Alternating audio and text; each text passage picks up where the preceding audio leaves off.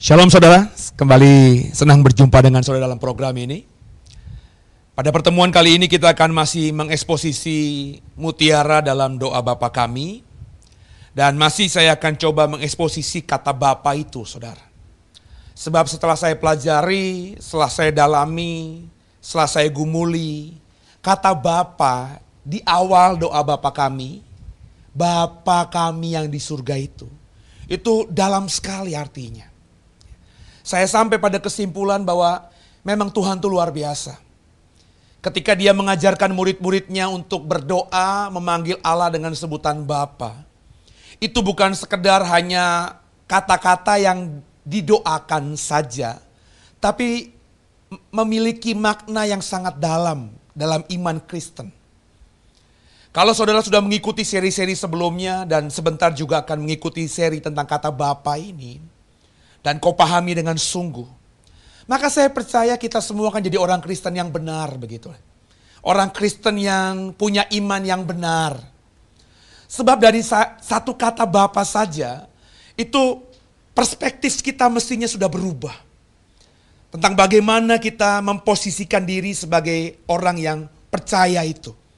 Nah, di minggu yang lalu, di pertemuan sebelumnya, kita sudah diajarkan bahwa kata Bapa itu sebenarnya Tuhan Yesus sedang mengajar kita bahwa kita ini adalah saudara-saudaranya. Ia yang notabene adalah anak Allah yang tunggal. Ia yang notabene hanya satu-satunya yang berhak memanggil Allah dengan sebutan Bapa. Mengajarkan murid-muridnya juga untuk memanggil Allah dengan sebutan Bapa. Artinya apa? Sudah saya jelaskan di pertemuan sebelumnya. Bahwa ia menempatkan kita saudara di matanya. Ia ingin kita menjadi gambarannya. Ia adalah buah sulung dan kita adalah yang berikutnya. Nah, sebagai gambarannya kita harus hidup seperti dia. Melakukan kendak Bapa sepanjang hidup kita. Dan sudah saya jelaskan dalam Roma pasal yang ke-12 di minggu yang lalu. Bahwa melakukan kendak Bapa itu tidak lain tidak bukan adalah saudara harus mulai mempersembahkan tubuhmu sebagai persembahan yang hidup. Tidak lain, tidak bukan. Harus sampai pada titik itu dulu. Dan berikutnya kalau dalam Roma 12 ayat 9 uh, dan seterusnya ya, kita akan belajar, kita akan menemukan kata-kata tentang bahwa bukan saja kita harus mempersembahkan tubuh kita sebagai persembahan yang hidup, tapi saudara dan saya harus hidup dalam kasih. Dan memang itulah yang ditunjukkan Yesus selama dia hidup di bumi ini. Dia konsisten sampai matinya dia hidup melakukan kehendak Bapa. Bahkan dia rela menyerahkan tubuhnya, menyerahkan nyawanya jika memang itu adalah kehendak Bapaknya. Dan kita tahu juga sepanjang hidupnya Yesus penuh kasih. Tidak ada ekspresi dendam, tidak ada perkataan dendam, tidak ada uh, rasa dendam terhadap siapa pun juga yang melukai dia. Kita sudah temukan, sudah kita ekspos di minggu yang lalu, di pertemuan yang lalu bahwa dia memaafkan orang-orang yang menyakiti dia, yang melakukan apa ya eh, perbuatan-perbuatan uh, yang melukai dirinya. Dia berkata kepada Bapak, Bapak ampuni mereka. Bayangkan saudara, orang yang menzolimi dia, orang yang membuat dia menderita setengah mati, dia lepaskan pengampunan, ampuni mereka. Sebab mereka tidak tahu apa yang mereka perbuat. Inilah yang harus Bapak Ibu dan saya contoh. Kalau Bapak Ibu mau berdoa memanggil Allah dengan sebutan Bapa, memanggil Allah dengan sebutan Dedi, memanggil Allah dengan sebutan Romo, Amang atau apalah namanya itu Saudara. Bukan cuma indahnya kata-kata yang keluar dari mulut lidahmu, bukan indah atau tulusnya kata-kata yang semata keluar dari hatimu saja, tapi mengerti maknanya. Kalau kita manggil Allah dengan sebutan Bapa, kita harus seperti apa? Tidak lain tidak bukan harus seperti Kristus. Nah sekarang saudara, di pertemuan sesi ini, kita masih mengekspos kata Bapa itu lebih dalam lagi. Mari sama-sama saudara, ya kita sebagai orang percaya, orang Kristen memahami ini dulu. Ini mutiara yang luar biasa berharga yang Tuhan ajarkan dalam doa yang diajarkan satu-satunya kepada kita, yakni dalam doa Bapa kami itu. Coba kita, kita baca lagi Matius pasal ke-6 Terlebih dahulu kita baca Matius pasal ke-6. Kita baca ayat yang ke-9 terlebih dahulu. Matius pasal 6 ayat 9, silakan. Matius pasal 6 ayat ke-9. Karena itu berdoalah demikian, Bapa kami yang di sorga, dikuduskanlah namamu. Bapa kami yang di surga, dikuduskan namamu. Kita belum bicara mengenai kata kami, kita belum bicara mengenai yang di surga, kita belum bicara mengenai dikuduskan namamu. Kita baru mengeksposisi beberapa pertemuan sebelumnya sampai sekarang kata Bapa. Ya, di hari ini di pertemuan kali ini kita mau fokus bagaimana memaknai kata Bapa yang kita ucapkan dalam doa kita ini, dalam doa Bapa kami ini. Ada satu ayat saudara yang mau kita expose terlebih dahulu supaya Bapak Ibu dan saya semakin memahami seberapa dalamnya kata Bapa itu dalam iman Kristen kita. Coba kita buka Matius pasal 5 ayat yang ke-48. Matius pasal 5 ayat 48. Silahkan dibaca. Matius pasal 5 ayat 48. Karena itu haruslah kamu sempurna, sama seperti Bapamu yang di sorga adalah sempurna. Perhatikan baik-baik. Kalau saudara, kalau saya, kalau orang Kristen, kalau kita semua mau berdoa memanggil Allah dengan sebutan Bapa, itu bukan cuma indahnya kata-kata yang terucap dari mulut lidah kita, saudara, tapi mengandung konsekuensi yang sangat dalam. Konsekuensi yang pertama sudah dijelaskan di pertemuan sebelumnya, saudara harus serupa seperti Kristus dalam segala aspek hidupnya. Dan dalam pertemuan kali ini, kalau kau dan aku memanggil Allah yang punya langit, yang punya bumi, dengan panggilan Bapa, saudara harus menggenapi firman Tuhan ini terlebih dahulu. Matius 5:48 tadi berkata apa? Karena itu haruslah kamu sempurna sama seperti Bapamu yang di surga adalah sempurna. Kalau kau manggil Bapa kepada Allah, kalau kau manggil Allah dengan sebutan Bapa, kalau kau beriman Allah dan Bapamu di surga itu sempurna, maka kau yang memanggil dia dengan Bapa, kau yang adalah anak-anaknya harus juga sempurna. Itu adalah konsekuensi yang tidak bisa dilepaskan dari penyebutan Allah yakni Bapa di, di mulut lidah kita. Harus. Bagaimana mungkin kau manggil Allah Bapa yang sempurna itu, padahal kita anak-anaknya tidak sempurna. Saudara memang dulu tidak sempurna. Tapi ketika kita sudah percaya kepada Kristus, kau dimampukan untuk bisa sempurna, saudara. Bahasa Inggrisnya be perfect, saudara. Sama seperti Allah perfect, saudara harus be perfect like Him. Seperti dia, sempurna seperti dia. Jadi, Ketika Tuhan mengajarkan kalau berdoa, berdoalah demikian. Bapa kami yang di surga. Dia sebenarnya sedang menekankan hal ini. Kalau kau melewatinya, kau akan miss. Itu kenapa banyak orang Kristen yang berdoa Bapa kami hafal luar kepala. Tapi hidupnya benar-benar jauh api daripada panggang. Jauh asap daripada panggang. Kenapa? Mereka cuma pintar, hafal berkata-kata dalam doa Bapa kami. Tapi nggak ngerti maknanya. Saudara yang menyaksikan program ini. Saudara nggak boleh lagi seperti orang Kristen di luar sana. Yang berdoa Bapa kami hafal, rutin, sehari bisa sembilan kali mungkin. Tapi nggak ngerti artinya. Orang yang memanggil Allah dengan sebutan Bapa. Tuhan Yesus yang mengajarkan murid-muridnya memanggil Allah dengan sebutan Bapa ia sebenarnya ingin menekankan kau dan aku yang memanggil Allah dengan sebutan Bapa harus juga sempurna. Sempurna bukan sempurnanya manusia, tapi sempurnanya Bapa yang di surga. Pak, sulit Pak. Kita manusia yang fana hidup dalam dunia yang gelap. Bagaimana kita bisa sempurna? Saudara, banyak orang beralasan demikian. Orang-orang ini emang pada dasarnya nggak pengen sempurna, saudara. Orang yang berkata kita nggak bisa sempurna, uang kita masih di dunia. Saya berani yakin di dalam hatinya itu masih menikmati dosa. Sehingga dia berargumentasi dengan kalimat-kalimat kata-kata seperti itu.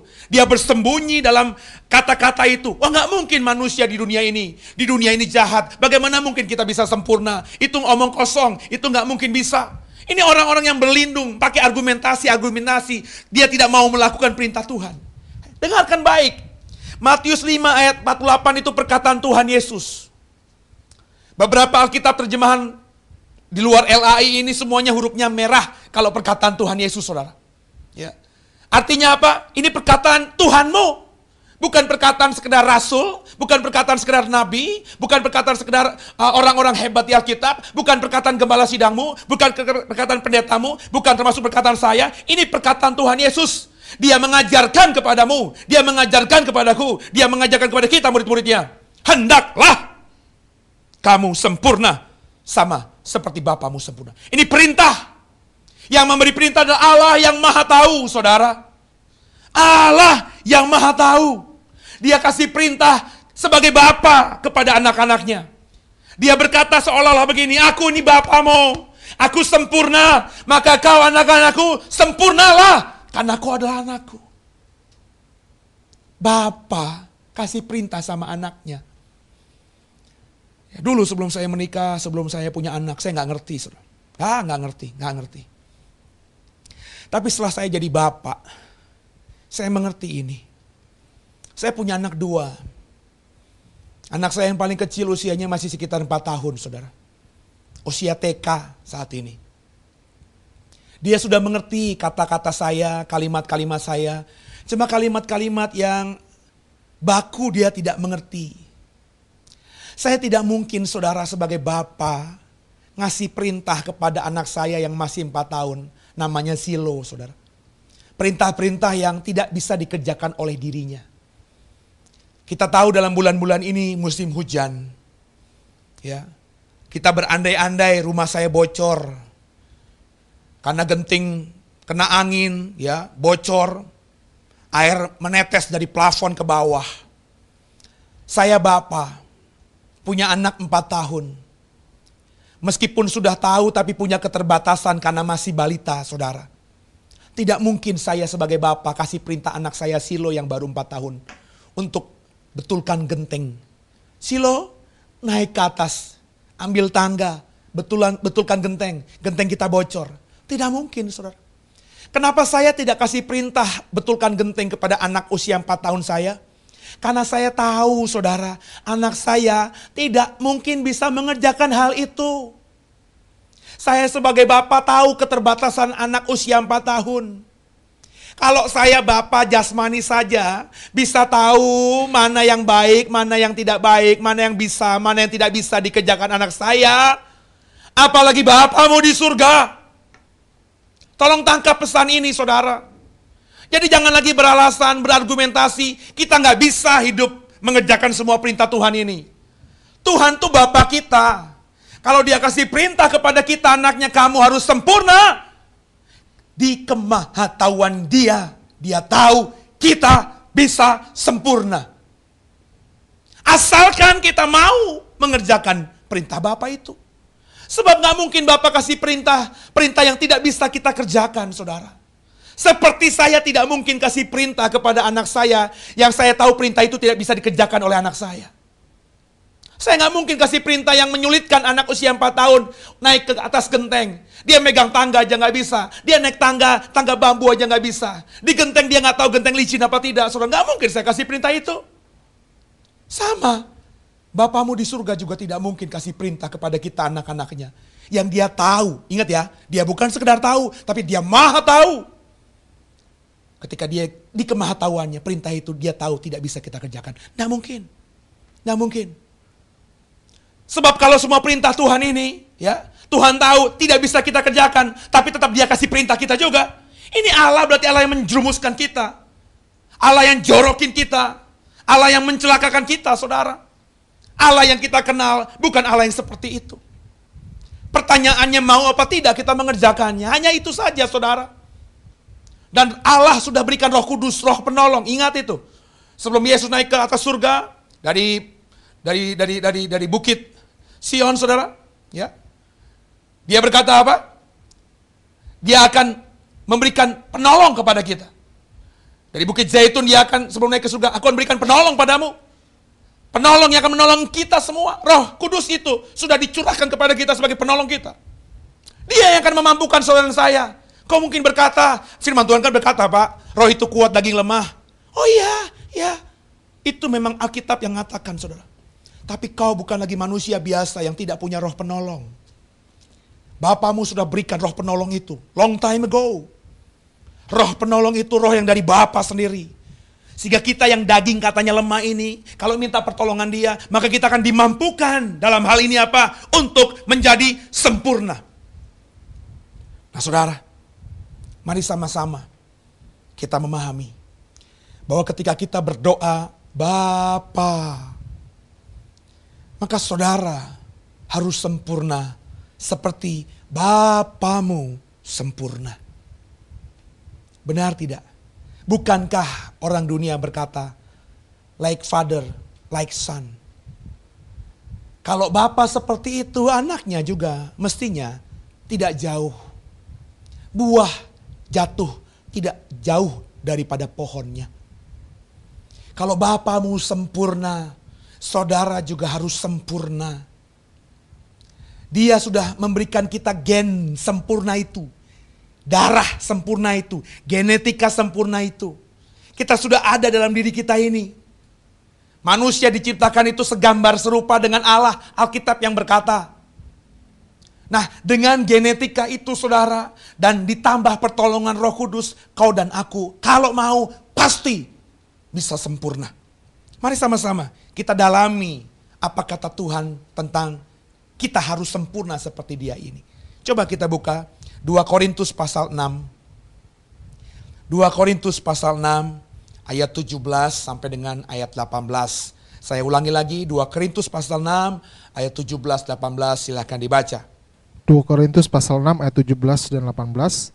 Sebab itu keluarlah kamu dari antara mereka dan pisahkanlah dirimu dari mereka firman Tuhan dan janganlah menjamah apa yang najis maka aku akan menerima kamu.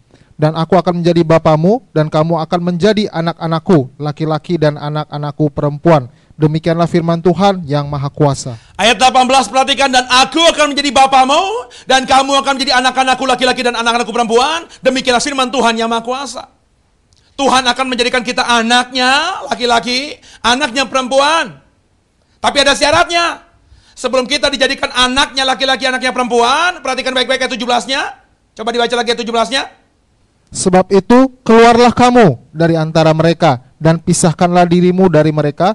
Firman Tuhan dan janganlah menjamah apa yang najis maka aku akan menerima kamu. Kalau saudara mau jadi anak-anak Allah, kalau saudara mau sempurna seperti Allah, maka 2 Korintus 6 ayat 17 18 mengatakan, saudara yang mau menjadi anak-anak Allah, saudara yang memanggil Allah dengan sebutan Bapa, saudara harus keluar dari antara mereka. Pisahkan dirimu dari mereka. Jangan menjamah apa yang najis itu, Alkitab katakan. Keluar dari mereka. Pisahkan dirimu dari mereka. Mereka ini siapa, saudara? Kalau kau baca ayat-ayat di atasnya jelas. Mereka ini adalah manusia-manusia di luar Tuhan. Orang-orang dunia. Dunia yang jahat itu. Kalau kau mau jadi sempurna seperti Bapamu sempurna, kata 2 Korintus pasal yang ke-6 ayat 17-18. Kau harus pisahkan dirimu dari dunia. Kau harus keluarkan dirimu dari orang-orang dunia. Dan inilah saudara, hakikat sebenarnya gereja itu apa? Gereja dalam bahasa Alkitabnya, bahasa Yunaninya adalah eklesia, saudara. Eklesia itu apa artinya? Sederhananya, mereka yang dipanggil keluar. Keluar dari apa? Keluar dari dunia, keluar dari pergaulan dunia, keluar dari dunia yang jahat itu, saudara. Eklesia dipanggil keluar. Orang-orang Israel ratusan tahun ada di perbudakan di Mesir. Mereka eklesia, mereka dipanggil keluar. Tuhan yang memanggil mereka keluar. Keluar dari apa? keluar dari dunia. Ingat Mesir bicara mengenai dunia zaman purbakala. Orang Israel yang ada di Mesir diperbudak hidup bersama dengan orang-orang dunia dipanggil keluar, dipisahkan dari mereka. Makanya dibuat aturan-aturan kan? Ada 10 perintah Tuhan, ada Taurat Tuhan. Itu membuat orang Israel jadi beda dengan orang-orang dunia yang ada di zaman itu. Makanya kita memahami kenapa hukum Taurat itu agak berat, saudara. Teramat berat bahkan. Karena memang ingin Tuhan ingin memisahkan Israel, bangsa pilihan ini, supaya nggak lagi sama dengan orang-orang dunia. Itu yang hakikat dari gereja, hakikat dari eklesia. Kenapa saudara dipanggil keluar? Kenapa orang Kristen dipanggil keluar? Karena orang Kristen gak boleh sama dengan orang dunia. Saudara memang masih tinggal di dunia ini, tapi kalau sudah dipanggil keluar, diambil keluar, dipisahkan dari dunia, supaya nggak sama lagi dengan orang dunia. Pikirannya paling tidak, hatinya paling tidak, tingkah lakunya paling tidak. Kos beda dengan orang dunia. Sehingga orang bisa membedakan mana yang pengikut Tuhan, mana yang bukan pengikut Tuhan. Dari apa? Dari hidupnya menjadi surat yang terbuka tadi. Surat Kristus yang terbuka. Itulah hakikat gereja. Yang kekasih Tuhan. Saudara harus seperti ini. Coba kita baca terlebih lagi, lebih dalam lagi. 2 Korintus pasal yang ke-6 tadi. ya. Coba kita buka ayat yang ke-14, ayat yang ke-15 saudara. 2 Korintus pasal yang ke-6 ayat 14 ayat 15 silahkan dibaca. 2 Korintus pasal 6 ayat 14 dan 15. Janganlah kamu merupakan pasangan yang tidak seimbang dengan orang-orang yang tak percaya. Sebab persamaan apakah terdapat antara kebenaran dan kedurhakaan atau bagaimanakah terang dapat bersatu dengan gelap? Persamaan apakah yang terdapat antara Kristus dan Belial? Apakah bagian bersama orang-orang percaya dengan orang-orang tak percaya? Perhatikan saudara, sebelum Tuhan perintahkan kita untuk keluar dari mereka, untuk dipisahkan dari mereka, Tuhan sudah menjelaskan terlebih dahulu. Sebab nggak ada yang sama antara Tuhan dengan Belial. Nggak ada yang sama di ayat yang ke-14 tadi. Antara orang-orang percaya dengan orang-orang yang tidak percaya. Nggak seimbang, nggak balance. Nggak ada yang sama dengan kebenaran dan juga kedurhakaan. Itu beda langit dan bumi. Beda 180 derajat. Jadi saudara-saudara beda. Menjadi sempurna seperti Bapamu di surga sempurna. Saudara harus tidak sama, itu ukurannya. Kalau saudara sulit mengukur bagaimana Bapak yang sempurna itu, sebenarnya kita lebih mudah mengukur kita dengan manusia-manusia yang ada di sekitar kita kan? Kalau orang di luar sana gampang ngegosip, kok nggak ngegosip? Kalau orang di luar sana gampang sakit hati, kita nggak sakit hati. Kalau orang di luar sana tidak punya hubungan yang intim dengan Tuhan, kita punya hubungan yang intim dengan Tuhan. Kalau orang di sana disakiti, bisa balas kejahatan dengan kejahatan begitu mudahnya, kita tidak. Jadi saudara, kalau kau sulit ya, membandingkan dirimu, mengkompar dirimu dengan Allah itu, coba lihat nilai dirimu dengan orang-orang yang di sekitarmu. Kalau kau adalah orang yang dipanggil keluar, kalau kau adalah orang yang ditarik keluar, dipisahkan dari dunia, mestinya kau sudah bisa menilai dirimu beda dengan orang-orang di luar sana. Bagaimana saudara? Bagaimana kita di tempat ini? Kekasih Tuhan. Jadi nggak boleh sama dengan dunia. Kenapa saudara dipanggil keluar? Kenapa saudara dipilih untuk dibedakan dengan orang-orang dunia? Mari sama-sama coba kita dalami kebenaran firman Tuhan ini. Kembali dibuka 1 Korintus pasal 6 ayat 20. Ya. Kenapa saudara dipanggil keluar? Kenapa saudara dipilih untuk dibedakan dengan mereka? Ini jawabannya saudara. 1 Korintus 6 ayat 20. 1 Korintus 6 ayat 20. Sebab kamu telah dibeli dan harganya telah lunas dibayar. Karena itu muliakanlah Allah dengan tubuhmu. Kenapa saudara dipilih keluar? Kenapa saudara dipanggil keluar? Kenapa saudara beda dengan orang-orang dunia? Jawabannya cuma satu, karena saudara dan saya sudah dibeli. Harganya sudah lunas dibayar. Yesus mau sudah mati bagi kita. Kau bukan lagi milik dunia, Kau bukan lagi orang dunia, tapi kau adalah orang-orang pilihan, orang-orang tebusan, orang-orang yang sudah lunas dibayar oleh darah Yesus Kristus. Makanya sebagai orang yang sudah ditebus oleh darah Yesus, kau bukan lagi hamba dunia, kau adalah hamba Allah. Tangkap saudara? Bukan saja kedar hamba Allah, tapi Yohanes 15 katakan kau adalah sahabatku. Dan ketika Tuhan Yesus mengajarkan Bapa kami di surga, dia bukan saja menganggap saudara sahabatnya, dia sudah menganggap saudara adalah saudaranya. Kalau saudara mengerti ini, mestinya kita nggak boleh sama lagi dengan dunia di luar sana. Pola pikir kita, come on. Sudahkah kau mencari perkara-perkara di atas? Sudah kau benar-benar mengumpulkan harta-harta yang tidak bisa dicuri oleh pencuri, dan tidak bisa habis dimakan oleh ngengat? Apakah kau masih sama mencari perkara-perkara di bawah? Kau hanya mengumpulkan harta-harta yang di bawah, yang masih bisa dicuri oleh pencuri, yang masih bisa habis dimakan oleh api dan ngengat? Kau masih mengumpulkan harta, emas, perak, semata-mata itu? Kau bekerja hanya untuk sesuatu yang kau kumpulkan untuk di bumi ini? Dengarkan saya, kau pasti tahu sebenarnya. Sebanyak apa pun hartamu, sebanyak apa pun yang kau kumpulkan, itu tidak bisa kau bawa mati. Saya sudah nguburin orang kaya raya, saudara. Ya.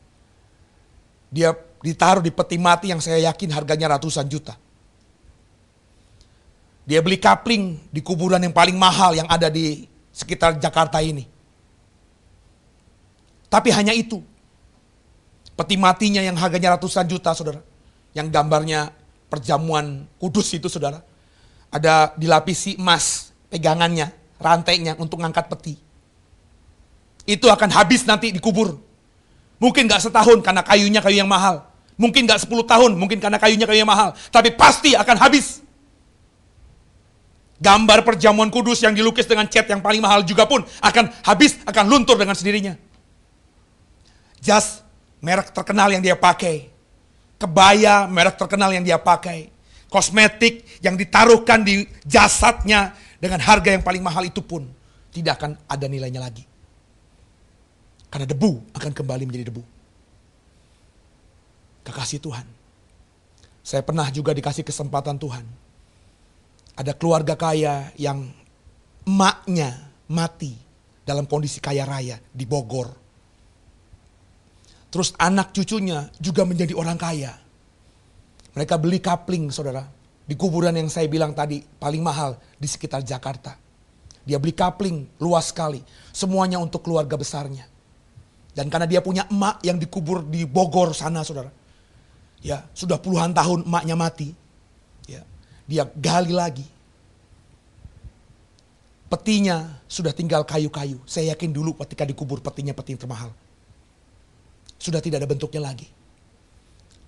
Kebaya yang dia pakai masih ada berkas-berkas kebayanya, tapi sudah hancur. Yang tersisa cuma tengkorak.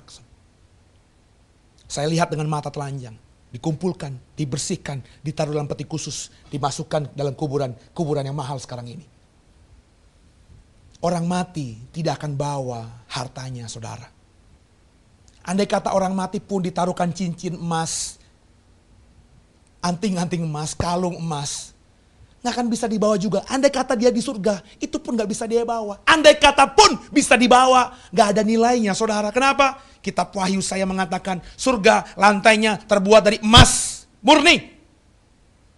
Bayangkan saudara, kalau jalanan di surga saja emas murni, kau bawa cincin berapa gram sih? Kau bawa gelang anting berapa gram sih? Gak laku di sana.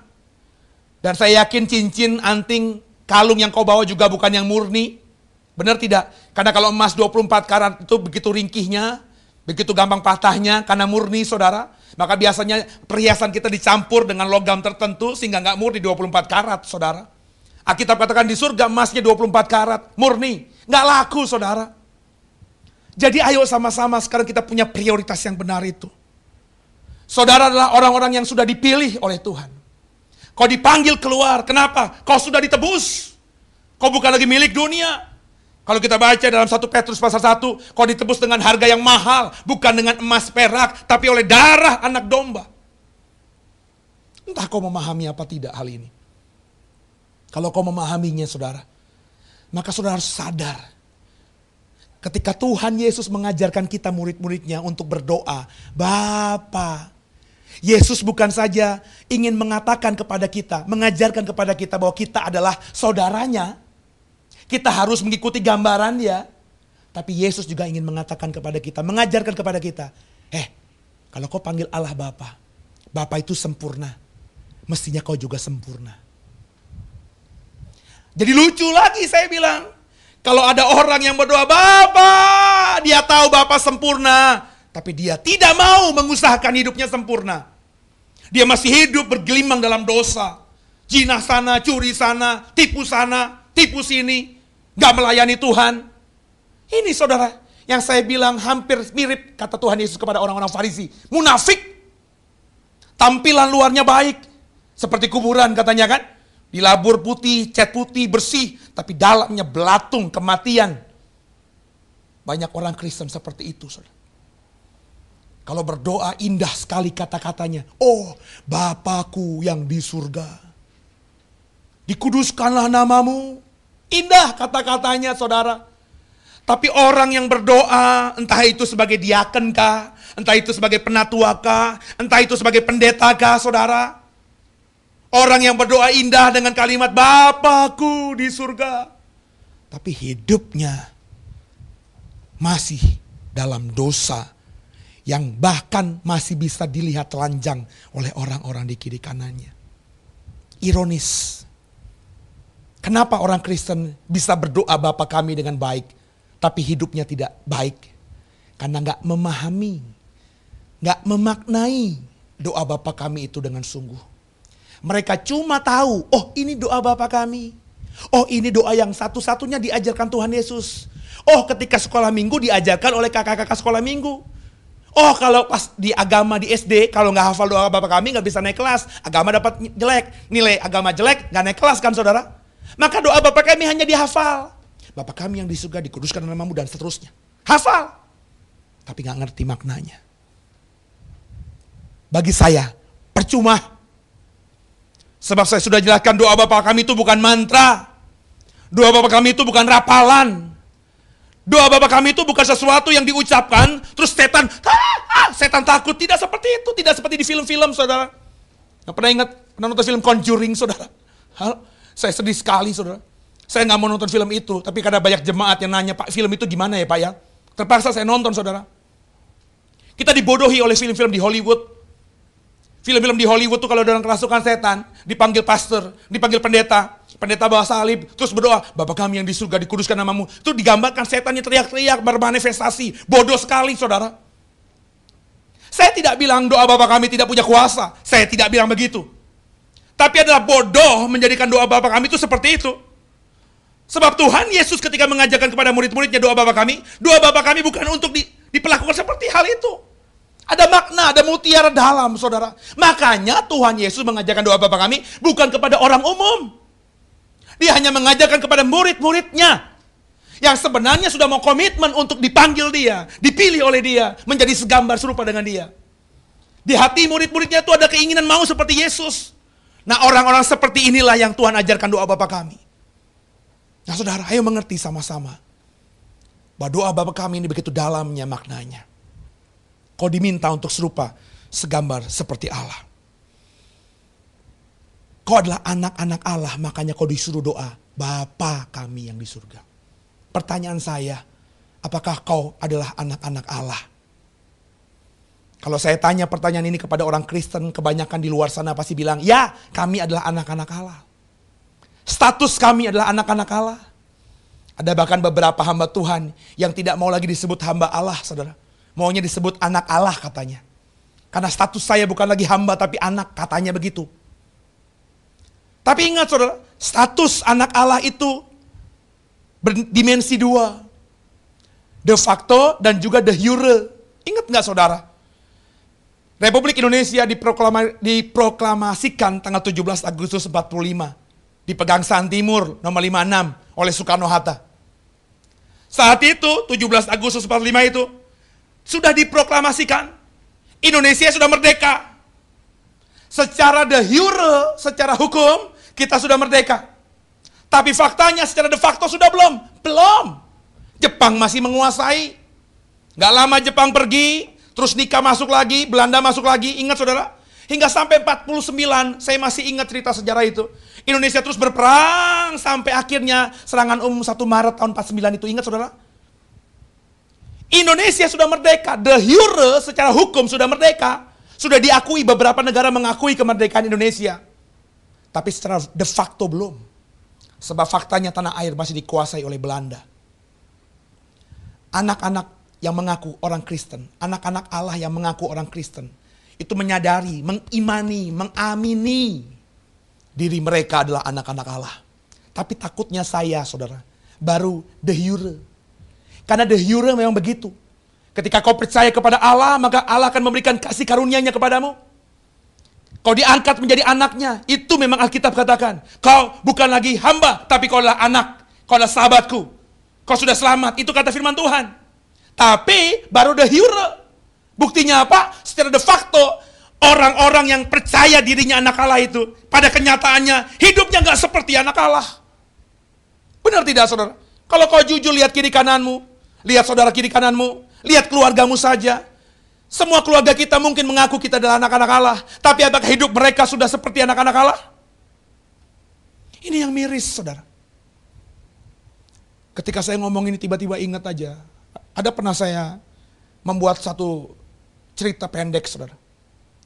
Cerpen begitu. Saya melukiskan dalam tulisan saya itu ada seorang yang sangat kaya raya yang tidak memiliki anak. Konglomerat. Harta di dunia dia punya, tujuh turunan pun tidak habis.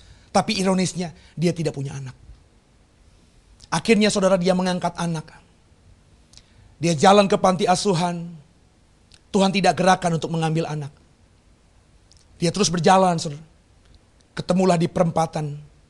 Ada anak kecil yang sedang menggelandang. Menelantarkan dirinya. Meminta-minta pakaiannya rusak, badannya bau, hancur, luka di mana-mana. Si orang kaya ini tergerak. Ketika dia ke panti asuhan, dia tidak tergerak untuk mengangkat anak di situ. Dia hanya berikan dana, menyekolahkan mereka, tapi tidak mengangkat anak. Tapi ketika melihat di perempatan ada anak kecil yang menggelandangkan diri, dia tergerak hatinya. Dia ambil anak itu. Kamu punya orang tua, nak? Nggak punya. Kamu di sini sama siapa? Sendirian. Kamu nggak punya siapa-siapa? Enggak. Tidur di mana? Di mana saja. Makan apa? Makan apa saja yang bisa.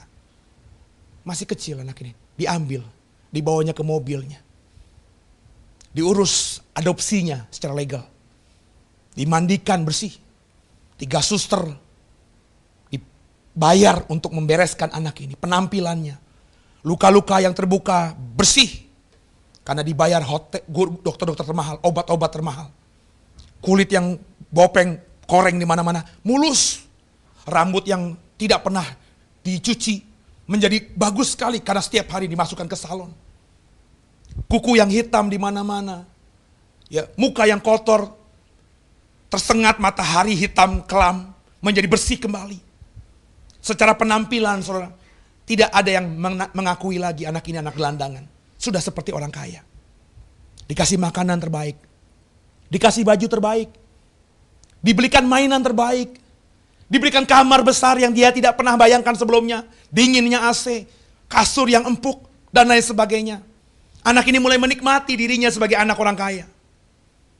Tapi dalam perjalanannya waktu, saudara, anak ini tidak mau belajar untuk berubah. Ketika didatangkan guru, dia tidak mau belajar. Dia asik main dengan mainan barunya yang dia tidak pernah punya sebelumnya. PlayStation kah? Game apa pun dia mainkan, dia nggak mau belajar. Didatangkan guru-guru etika supaya anak ini bisa berbahasa sopan santun. Karena dia selama lahir tidak pernah belajar sopan santun. Dia ngomong sama orang tua sama seperti dia ngomong sama orang sebayanya. Gak ada etikanya. Diajarkan, dia nggak mau, dia nggak peduli. Anak ini nggak mau berubah saudara. Anak ini ketika menjadi gelandangan dia makan dengan apa adanya. Ada makan apa dia makan begitu saja. Pas menjadi anak orang kaya, meja makan penuh, duduk di meja makan, bajunya rapi, diajar table manner, dia nggak mau saudara. Dia makan seperti gelandangan. Pakai tangan. Nasi jatuh remah di mana-mana. Suatu hari, orang kaya ini mengadakan pesta di rumahnya. Diundang semua teman-teman kayanya. Sebenarnya dia ingin mengenalkan anaknya ini. Tapi ketika anak ini dikenalkan, pertama kali mereka semua kagum. Wih, cakep sekali anak ini. Bersih sekali mukanya. Bersinar sekali mukanya. Bajunya indah sekali. Seperti memang anak orang kaya. Mereka bangga, mereka senyum, mereka menyalami anak ini. Tapi ketika mereka mulai berinteraksi, berbicara, ketika mereka duduk di meja makan yang besar itu, mereka kayaknya geleng-geleng kepala. Karena si anak ini sangat jauh dari bapak angkatnya. Dari cara berbicara kasar, dari tidak tahu sopan santun, cara makannya tidak elok. Sehingga akhirnya orang-orang tidak lagi bisa menganggap dia adalah anak dari si orang kaya ini. Dengarkan saya. Meskipun anak ini berkelimpangan harta sepanjang hidupnya. Karena bapaknya kaya. Tapi kalau dia tidak mau belajar. Bapaknya mati saudara. Tinggal tunggu waktu aja hartanya habis. Kalau hartanya habis saudara. Dia akan kembali menjadi seorang gelandangan. Meskipun hartanya banyak kalau dia tidak berpendidikan. Dia akan mudah ditipu sana, ditipu sini. Sehingga hartanya habis. Kekasih Tuhan. Orang Kristen kebanyakan seperti itu. Kau harus sadar bahwa kau tadinya tidak ada nilainya. Kau adalah hamba dunia ini. Manusia-manusia terkutuk karena dosa. Tuhan sudah menebusmu dengan barang yang mahal. Bukan dengan barang fana, bukan dengan emas perak, tapi dengan darah anak domba. Kau dipilihnya, dipanggilnya keluar. Dia berusaha untuk menjadikanmu serupa segambar seperti dia. Dia berusaha agar dia yang sempurna, kau pun sempurna. Tapi kau nggak mau mengusahakan itu. Sebagai anaknya Allah, kau hanya mau mengecap hal-hal yang indah-indah saja. Berkat, mujizat, kesembuhan, kuasa, supranatural. Hanya itu saja yang kau cari, saudara. Memang sebagai anaknya Tuhan, kau pasti punya kuasa. Orang kerasukan kau usir dalam nama Yesus, orang itu akan lari. Setan itu akan lari daripada orang itu. Kau ketemu orang sakit, kau doakan dalam nama Yesus, orang sakit itu akan sembuh. Oh itu iya memang benar. Karena kuasa dari Bapak kita. Tapi perhatikan baik-baik. Orang Kristen hanya fokus pada hal-hal itu saja. Seolah-olah ya, kalau sudah punya kuasa, seolah-olah ya, kalau sudah diberkati, seolah-olah ya, kalau sudah punya powerful supranatural itu, dia mengaku dirinya benar anak-anak Allah. Ingat saudara, fakta sebagai anak-anak Allah harus sempurna seperti Allah sempurna. Dan kesempurnaan Allah bukan saja bicara mengenai kuasa, mujizat, dan lain sebagainya tapi ada hal-hal lainnya, saudara.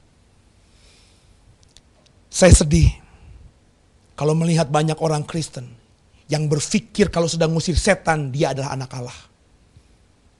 Saya sedih kalau mendengar ada orang Kristen yang mengaku dirinya anak Allah hanya karena semata-mata dia sudah sembuhkan orang sakit. Kenapa saya sedih? Karena banyak orang Kristen yang saya lihat bisa ngusir setan, bisa menyembuhkan orang sakit. Hidupnya masih jauh daripada seperti Allah. Kau pikir kau hebat, kau bisa melakukan mujizat. Kau pikir kau hebat, kau bisa mengusir setan. Kuasa yang membuatmu bisa mengusir setan.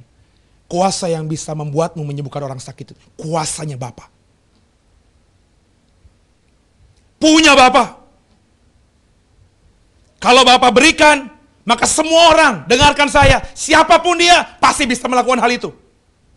Tapi kalau Bapak cabut, orang apa pun hebatnya nggak akan berdaya lagi saudara. Jadilah anak-anak Allah, bukan seperti anak gelandangan tadi. Yang hanya mau mengecap berkat, kenikmatan, keindahan, kemewahan dari bapaknya semata tapi juga mau berusaha menjadi seperti bapaknya. Bapak itu penuh kasih. Sudahkah kau hidup penuh kasih? Bapak itu sangat mengampuni. Sudahkah kau sangat mengampuni? Coba ada satu ayat saudara. Saya ingin baca untuk saudara. Matius pasal 7. Ayat yang ke-22, 23. Tolong baca. Matius pasal 7 ayat 22 dan 23. Pada hari terakhir banyak orang akan berseru kepadaku, Tuhan, Tuhan, bukankah kami berbuat demi namamu dan mengusir setan demi namamu dan mengadakan banyak mujizat demi namamu juga? Pada waktu itulah aku akan berterus terang kepada mereka dan berkata, Aku tidak pernah mengenal kamu, menyalah daripadaku, kamu sekalian pembuat kejahatan. Perhatikan baik-baik. Orang Kristen banyak berpikir kalau dia sudah bernubuat, berkhotbah hebat, pakai nama Tuhan, dia bangga, dia anak Allah. Banyak orang Kristen selalu bangga kalau udah ngusir setan, nyembuhin banyak orang sakit. Dia mengklaim, kami adalah anak Allah. Hanya anak Allah lah yang bisa ngusir setan, yang bisa menyembuhkan orang sakit. Saudara tidak salah hal itu. Tapi dengarkan saya, kalau hidupmu fokusnya hanya mengecap berkat, meminta berkat yang seperti itu saja. Tapi mengabaikan hal yang lainnya. tergenapi nanti firman Tuhan dalam Matius 7 ayat 23. Enyahlah dari hadapanku, kau semua pembuat kejahatan. Aku tidak mengenal engkau. Tidak mengenal engkau, saudara. Bagaimana mungkin? How come? Orang yang ngusir setan pakai nama Yesus. Orang yang menyembuhkan orang sakit pakai nama Yesus. Orang yang bernubuat pakai nama Yesus. Yesus gak kenal. Bagaimana mungkin? Ternyata kata mengenal di situ menggunakan kata Yunani ginosko. Ginosko lebih tepat diterjemahkan sebagai aku tidak menikmati engkau. Orang Kristen saudara dengarkan saya. Banyak yang punya kuasa ngusir setan. Banyak yang punya kuasa menyembuhkan orang sakit. Banyak yang kuasa berkhotbah hebat luar biasa. Tapi ternyata nanti di penghakiman di akhir dunia ini Tuhan berkata aku tidak menikmati engkau. Aku tidak ginosko engkau. Aku tidak mengenal engkau. Kenapa? Karena memang hidupnya tidak dinikmati Tuhan. Mencuri kemuliaan Tuhan hidupnya jauh dari cerminan Tuhan itu. Kekasih Tuhan memanggil Allah dengan sebutan Bapa itu konsekuensinya dalam sekali. Dulu kau belum tahu, sekarang saya kasih tahu.